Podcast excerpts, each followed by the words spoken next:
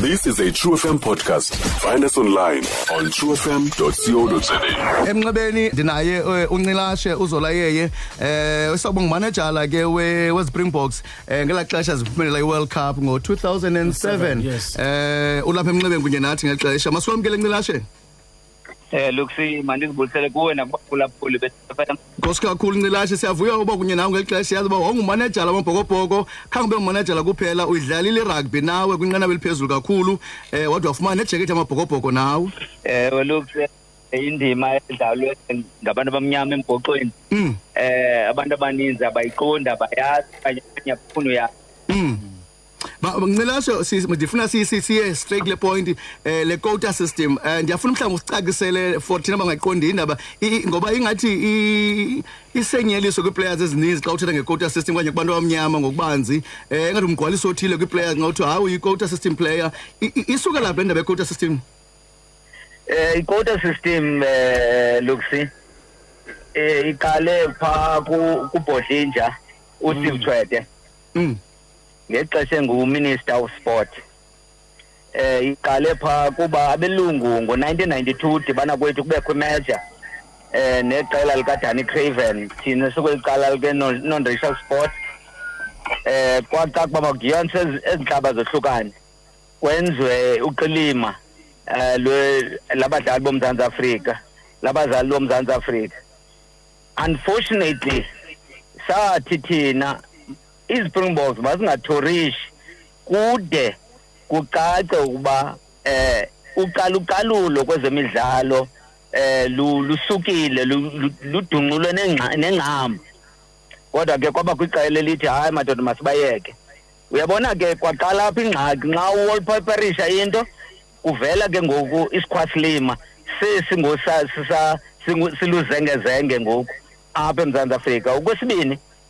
le quota system iye yavela ngamandla ngela xesha le-affirmative action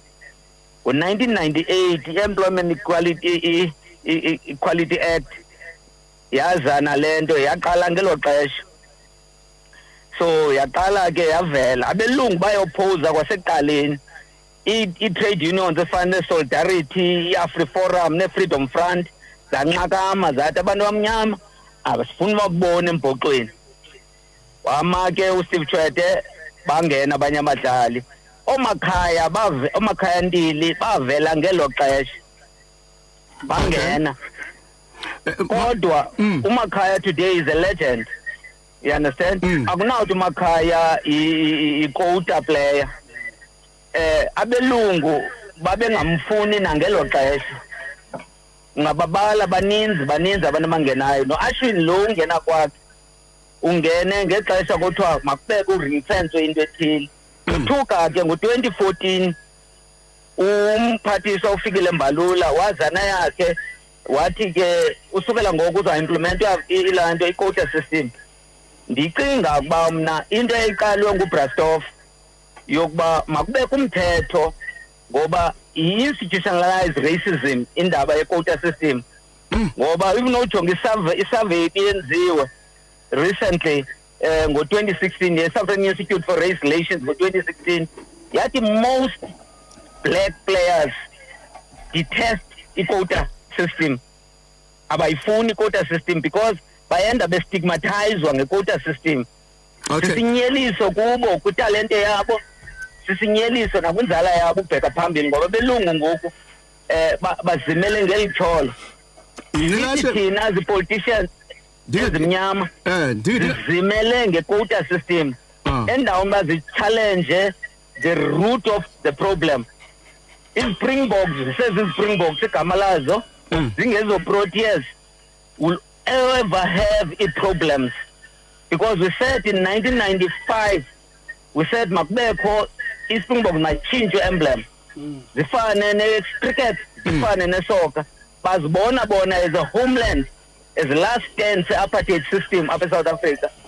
so ngoku ifana nosamson okhulinwele mm. ngoku zibone namandla ngokuba khukumala bathi rugby bayithatha basephesheya bayise kwinternational kela ehague no challenge uba thina si-implimenta i-racism nilashe i-politicians eh, ngoku awit ngoku imake nilashe phambi basokuyeka um eh, ungathini kwabantu abanoluvo abangabantu abamnyama bayeka nto bamhlophe khona abanganoluvo lwabo abanganto bamnyama um abathi kunee-players ezimnyama ezidlala kumabhokobhoko ezingadizevi udlala kumabhokobhoko zingene nge-quota system ezantwana ngoku yi-issue ye-desperation looks yi-desperation leya and bunowujonga ezaa ntwana zisilektwa kuba zimnyama ezinye kuba zisuka institutions ezimhlophe ezinye zazi mm. and bunowujonga i-selection yazo those two guys as yabona uvele mse i know him very well i know indlela acinga ngayo and i support him 120 percent what you have said is long overdue give that man a belt benza benza liphamba sikuyeke ncilashe kamnandi yamazi umanejile uashwell velemse i-action yakhe ayenzileyo ethivini eh athethe ngohlobo athethe ngalo ashiye ishow phakathi uh luthini lakho luvo ngendlela aziphethe ngayo i-issue yesport is a national issue and bengenawuxoxa ofisini nxa injeya because ebezawuoverwhelma phaa eofisini bamngqale bamnyelise bambone as umntu ongathi uyi-racist mm. i think he made a statement and history is going to judge la madoda mabini harshly nesupersport isupersport has been hiding i-racism for many years is, is exposed ngoku who they are they've taken all these races kozibeka phaa you check ngoku how many black springboks ehleli phaa kula panel zizisele zeenyathi so called sele zeenyathi onazibota they have nowhere to go if you ask unick mallet why enga-apply for the springbok uh, laa nto coaching if he knows so much he run away because he's got easy money he is the highest paid eh analyst uNick Malen abe South Africa imake akogqibela nqilashe ungathi indaba into enzekile between uNick Malet kunye noNasbota noEshowe ibi racism They deserve it, actually. Races, race, racial or not, they deserve it because they've never, they've never taken seriously issue of black players in South Africa. nkosi kakhulu ndaqalela ukugqibela lisi mna ndikukowutele le nto yekowutayo ubunzima bayo wena black player ngeli xesha beniyimanager um eh, after match kunye yokuthiwa yikonti yandisend bafike kontiti bafike basele i-drinks nezinto ezithile new players esisanda ungena esisanda udlala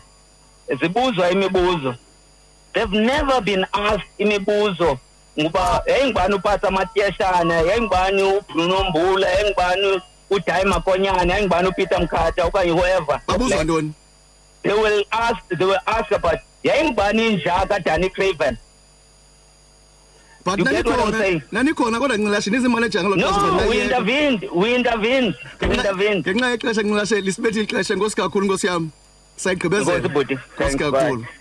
stream true fm online on true fm co za sikho yonke indawo ngalo lonke ixesha like no one else